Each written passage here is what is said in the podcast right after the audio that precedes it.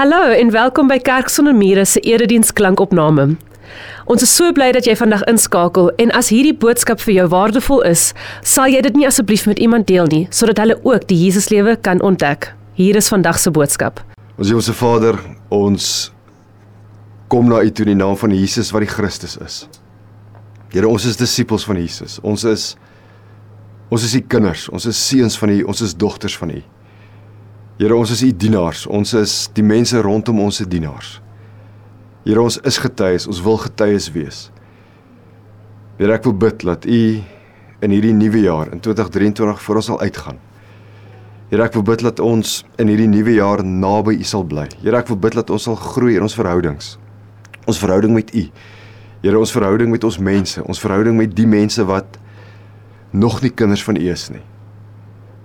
Here mag U ons in 2023 gebruik. Here mag mag ons werklik lig vir hierdie wêreld wees. Here mag ons as kerk sonder mure, ons as 'n geloofsgemeenskap, ons as vriende van kerk sonder mure. Here mag ons sout wees vir hierdie aarde wat smaakloos geword het. Here, dankie dat ons in iets soos 'n erediens kan deel. Dankie dat ons kan deelneem aan vandag se erediens. Here, dankie vir die Bybel, dankie vir die Ou Testament, dankie vir die Nuwe Testament. Here, kom kom breek u woord vir ons oop. Here kom doen asseblief vandag in die boodskap wat net u as die heilige almagtige God kan doen. Here mag u naam vandag verheerlik word. Mag u koninkryk via die boodskap kom. Amen. 2023 dis 'n uh, is 'n nuwe jaar. Ons weet nie wat hierdie jaar op ons wag nie. Ons weet nie wat hierdie jaar gaan inhou nie. Maar wat ons as kinders van die Here kan weet is dat God in 2023 gaan werk. Ons lees in Johannes 5 vers 17 dat Jesus sê sy Vader is altyd aan die werk. Sy Vader hou hou nooit op werk nie. So ons is onseker oor presies wat hierdie jaar op ons wag, maar ons hoef nie onseker te wees oor dit wat God doen in hierdie jaar nie. God is aan die werk en vandag se hele boodskap gaan daaroor dat iets dat God iets op hierdie aarde doen. Die wêreld is 'n is 'n stikkende plek, die wêreld is 'n gebroke plek. Maar vandag se hele boodskap gaan daaroor dat God hierdie gebroke, hierdie stikkende wêreld regmaak. Hy's besig om hierdie wêreld te herstel. Vandag se boodskap gaan daaroor dat ons wêreld in 'n rigting beweeg waar hemel en aarde bymekaar kom. So ek gaan vandag net begin deur iets te sê oor die kern van vandag se boodskap in die Ou Testament. Dan gaan ons ratte verwissel en ons gaan stil staan by 'n vers, by 'n woordjie in Efesiërs 1 hoofstuk 10 en dan sluit ek vir ons af deur net iets te sê oor die groot storie, die die makronarratief van die Bybel. Maar alles gaan vandag daaroor dat God besig gewees in 2023. Hy's aan die werk en hy's besig om hierdie stukkende wêreld te herstel. So 3 maande gelede het ek en my goeie ek en een van my goeie vriende mekaar vir middagete in Doringkloof ontmoet. Ons was daarso by die radioomroeper Rian van Heerden se restaurant en ons het ons het nog nie eers gaan sit nie. Toe sê hierdie vriend vir my die die wêreld is stikkend, mense is stikkend. My sê dit want hy's 'n prokureur, hy leef in daai wêreld, hy sien baie keer moeilike goed, hy's ook betrokke by Dewoskier en die gemeente waar hy inskakel. En op grond van dit wat hy sien, sê hy vir my die wêreld is stikkend, mense is stikkend. En soos hy dit sê, val hy homself basies in die rede en hy sê vir my man, hy hoef dit vir my te sê nie, ons almal weet dit, ons almal beleef dit. So kerk sonder mure, almal van ons weet, as jy gewoon net jou jou foon oopmaak. As jy kyk wat gaan aan op CNN, as jy kyk wat gaan aan op News24, dan kom ons agter daar's daar's iets fout met hierdie wêreld. Nou ons sien dit van die begin van die van die storie van die mensdom af. Genesis 1, Genesis 2, daar gaan dit nog redelik goed. Ek gaan nou nou iets sê oor Genesis 1, Genesis 2. Maar as ons ons Bybels oopmaak by Genesis 3 tot Genesis 11, dan kom ons agter maar die storie van die mens is nie 'n baie mooi storie nie. Dis nie 'n dis nie 'n goeie storie nie. Die eerste familie waarvan ons lees, die familie van Adam en Eva is 'n disfunksionele familie. Kain maak vir Abel dood. So die stories van Genesis 3 tot Genesis 11 is stories van geweld, dis stories van van moord, dis stories van bloed. Daar's baie korrupsie, daar's bedrog. Daar's 'n storie van dis die storie van die mense wat die toring van Babel wil bou. Dis 'n storie van hierdie klomp mense wat soos gode wil wees. En dan lees ons in hierdie opening hoofstukke van die Bybel. Ons kry dit in Genesis hoofstuk 6. Ons ons lees daarso dat die Here sê die boosheid van die mens is baie groot. En die Here sê alles wat die mens in sy in sy hart bedink is sleg. En dan lees ons hierdie is eintlik hierdie angswekkende woorde. Die Here sê hy's jammer dat hy die mens gemaak het. So ons kry hierso in die openingsverhale van die Bybel 'n 'n prentjie van die mensdom en alles Alles val uitmekaar uit. Alles is in stukke. Maar dan dan begin die Here God oor in Genesis hoofstuk 12 en hy kies vir Abraham. En hy sê Abraham, ek wil jou seën sodat jy tot 'n seën kan wees. Nou, waaroor gaan dit hier? So die die storie van die mens het nie geslaag nie. Die projek mensdom het gefaal. Maar God is 'n is 'n liefdevolle God. Hy's 'n God wat uitreik na sy mense toe. En hy sê, dis amper asof hy vir Abraham sê, Abraham, ek wil oorbegin met jou. Ek wil die mens, ek wil die mensdom 'n tweede kans gee. So ek gaan jou seën sodat jy my heilige, my helende, my skepingskrag kan uitdra tot in die uithoeke van die wêreld. So as ons na die na die Ou Testament gaan kyk en ons vra die vraag wie is God? Dan kan ons sê God is 'n God wat lief is vir mense. God is 'n God wat uitreik na mense. God is 'n God wat vir die mensdom 'n tweede, 'n derde, 'n vierde kans wil gee. En dis ook my storie, dis ook jou storie. God is 'n God wat vir ons weer 'n kans gee en weer 'n kans gee en weer 'n kans gee. So as ek kyk na hierdie hierdie verhale in Genesis en as ek kyk na die stories van die Ou Testament, sien ek in my geestesoog 'n 'n mooi kruik wat daar in jou huis staan. En sien hoe die kinders kom of vriende se kinders of van jou kleinkinders, sien hoe die kinders in jou sitkamer rondspeel en een van hulle stamp hierdie kruik stamp hierdie kruik en toe jy toe jy weer kyk, dis die kruik net in stukkies en die kruik lê daar oor die sitkamervloer. Kom ons sê vir 'n oomblik, die kruik is die simbool van die mensdom. Die kruik is die simbool van die wêreld. Wie's God in die 21ste eeu? Wie's God vir hierdie stukkende wêreld van ons? God is een wat hierdie hierdie stukkies optel. God is een wat hierdie potskerwe bymekaar maak. God is hierdie een wat hierdie gebreekte goed verenig. Hy's die een wat uit dit uit iets nuuts maak. Hy hy's die God wat uit dit uit iets moois kom maak. So as ons as ons aan hierdie metafoor dink, dink ons aan hierdie verhaal wat ons kry in Jeremia hoofstuk 18. Die Here sê vir Jeremia: "Gaan na die pottebakker se huis toe." En dan is Jeremia gehoorsaam. Hy gaan na die pottebakker se huis toe. En die Here sê vir hom: "Gaan neem 'n bietjie waar. Kyk wat doen hy." En die pottebakker is daar besig met 'n met 'n stuk klei. Hy wil 'n houer maak. Maar die houer wat hy wou maak, misluk. En dan moet hy oorbegin. En soos Jeremia daar by die huis van die pottebakker is, kom die woord van God tot Jeremia en ons lees daarvan in die 18de hoofstuk vers 6. En die Here sê vir hom: "Is ek nie in staat om soos hierdie pottebakker met julle te maak nie?" En dan sê die Here: "Kyk, soos klei in die pottebakker se hand, so is julle in my hand."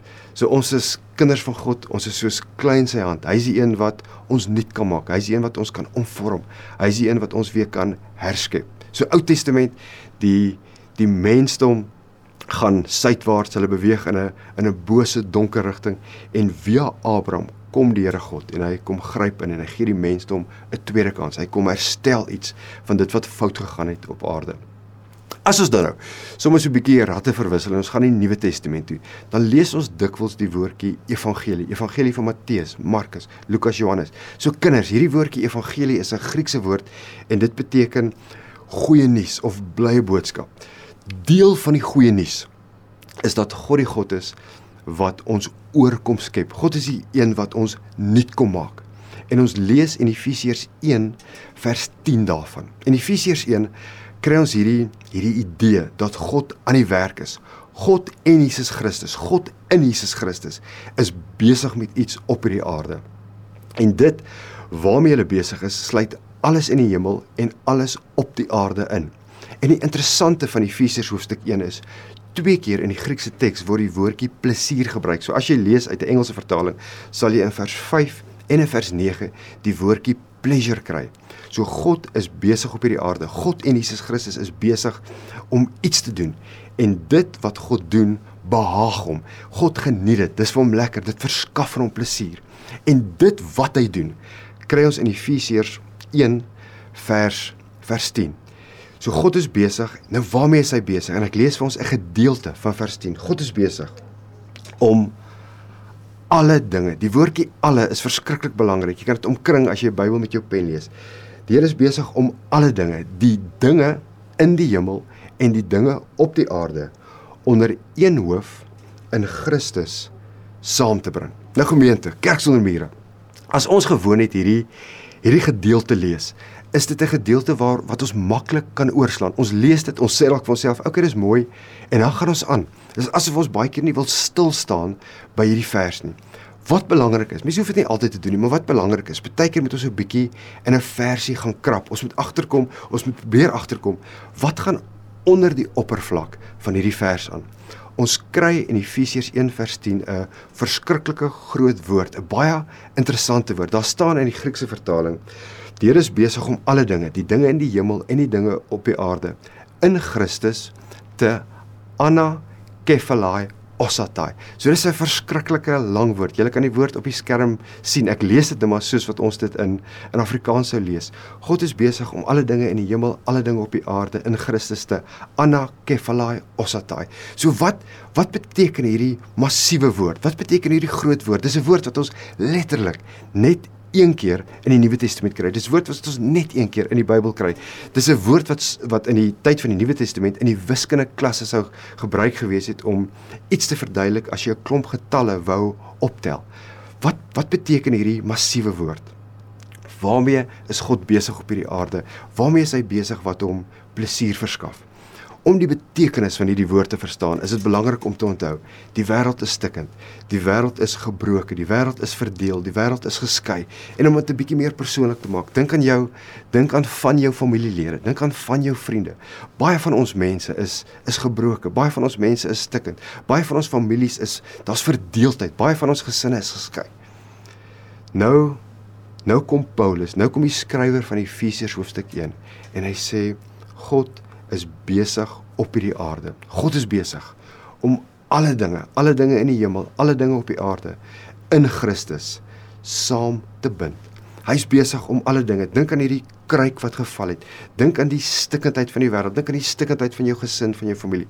God is in Christus besig om al hierdie dinge te verenig die werkwoord wat in die 1953 en 1983 vertaling gebruik is, is die woordjie verenig. Hy's besig om alles saam te bind. In Engelse vertaling sal daar staan hy's besig om alles te unite. Hy's besig om oor te skep. Hy's besig om nuut te maak.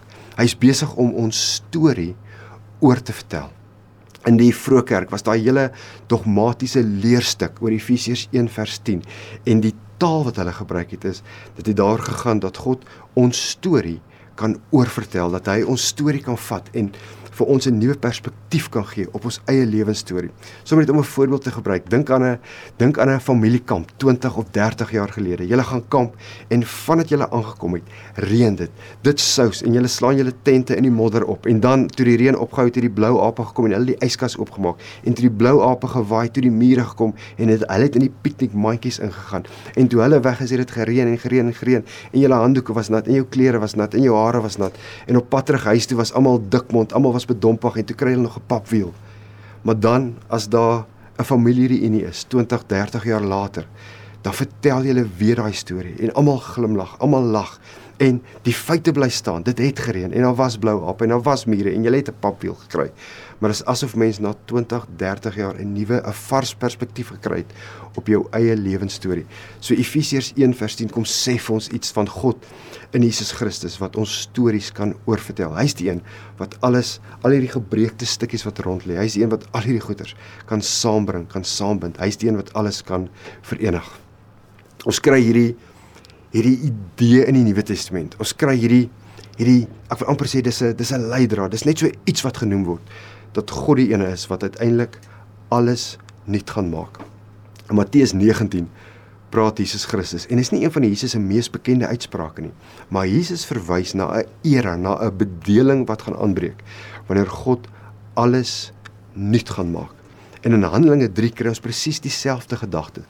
Petrus gesels, hy praat met die mense en dan sê hy Jesus, Jesus wat die Christus is, moet in die hemel bly totdat God alles nuut gaan maak. En dan kry ons dit in Openbaring 21, die bekende Openbaring 21 vers 5, waar God self sê, kyk, amper asof asof hierdie hierdie vers met 'n uitroepteken begin. Kyk, dis 'n opdrag. Kyk, ek maak alles nuut. So wie's God? Wie's God vir ons in 2023? Wie's God vir ons in hierdie nuwe lewensjaar?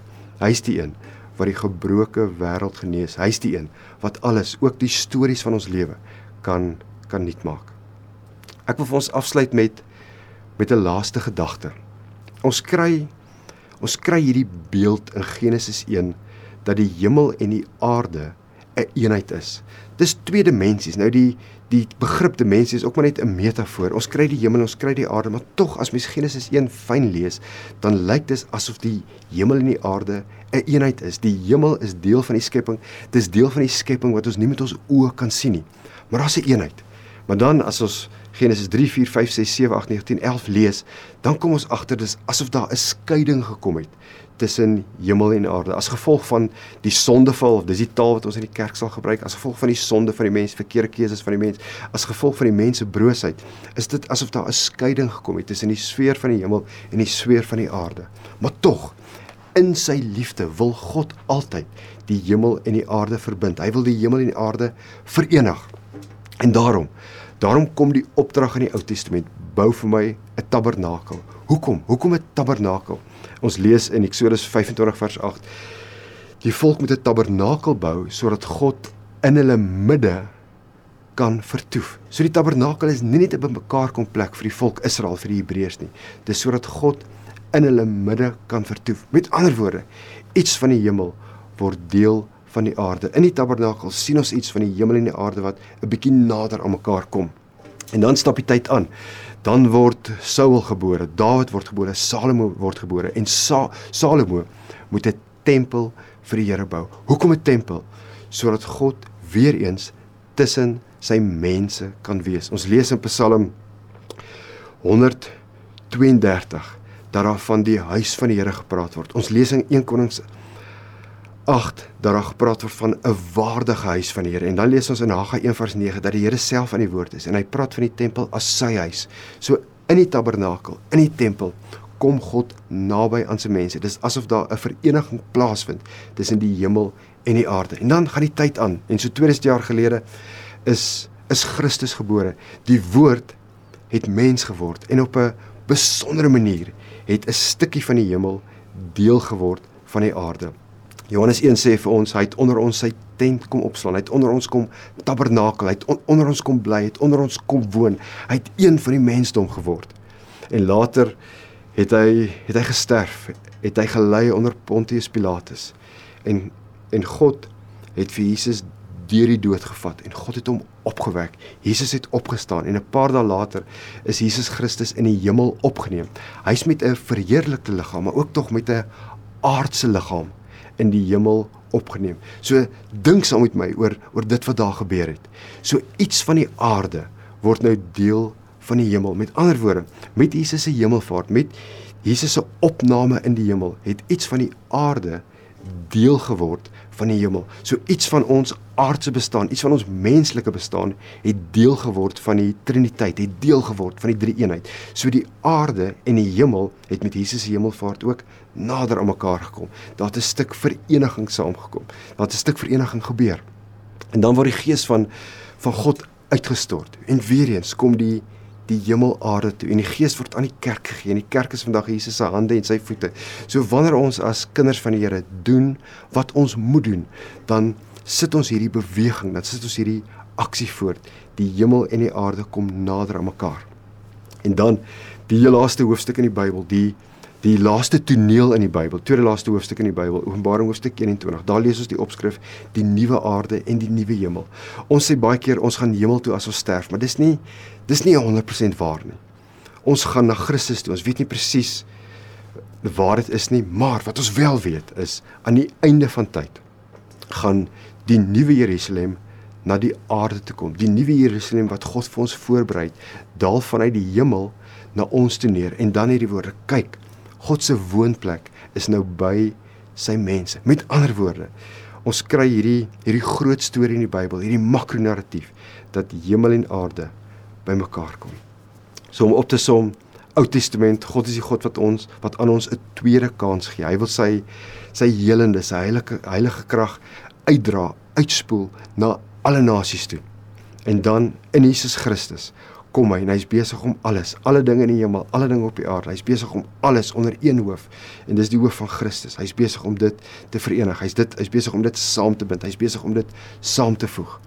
En ons beweeg in die rigting van 'n 'n era wat gaan aanbreek waar hemel en aarde bymekaar is. Maar ons is nou nog op hierdie aarde. So ons taak, ons voorreg, die die onus rus nou op ons om iets van die hemel aarde te bring. Elke keer wanneer ek en jy die Jesus lewe leef. Elke keer wanneer ons gehoorsaam is, elke keer wanneer ons vergewe, elke keer wanneer ons mense dien, elke keer wanneer ons nederig is, elke keer wanneer ons ja, ons ja is, elke keer wanneer ons nee, ons nee is. Elke keer wanneer ons gewoon het gewoon net 'n stukkie barmhartigheid wys. Elke keer wanneer ons ons kos deel, elke keer as ons water uitdeel, elke keer as ons iemand gaan besoek, dan kom iets van die hemel aarde toe. Mag ons mag ons in 2023 meewerk, mag ons deelneem aan dit waarmee God besig is. Waarmee is hy besig? Waarmee is hy besig? Hy's besig om alle dinge, die dinge in die hemel en die dinge op die aarde onder een hoof in Jesus Christus saam te bring. Amen. Ons Here, ons wil wil deelneem aan dit waarmee U besig is. Here ons ons ken ons eie harte. Here ons ken ons gesinne, ons ken ons families. Here ons weet 'n groot deel van van ons lewe is 'n stuk gebrokenheid. Here ons sien die stikkindheid van die wêreld. Here maar ons wil nie daar vashak nie. Ons wil nie pessimisties word nie. Ons wil nie morbied word nie. Here ons wil daaraan vashou dat U die een is wat alles gaan regmaak. U is die een wat alles gaan genees. U is die een wat hierdie stukkies gaan optel. U is die een wat alles saam gaan bring. Here mag mag hierdie wete, mag die boodskap van die Ou Testament, mag die boodskap van Efesiërs 1 vers 10. Here mag hierdie groot storie dat hemel en aarde eendag saam gaan kom. Here mag dit ons bemoedig. Here mag dit ons hoop versterk. Here mag dit ons geloof laat groei. Here mag ons hierdie jaar, mag ons in 2023 'n stukkie hemel aarde toe bring. Mag ons dit hemel op aarde maak vir ons kollegas. Mag ons dit hemel op aarde maak vir ons familie. Here mag ons dit hemel op aarde maak vir die mense wat rondom ons bly. Dankie dat ons weet, Here, dat ons in U span is. Dankie dat ons saam met U kan werk. Amen.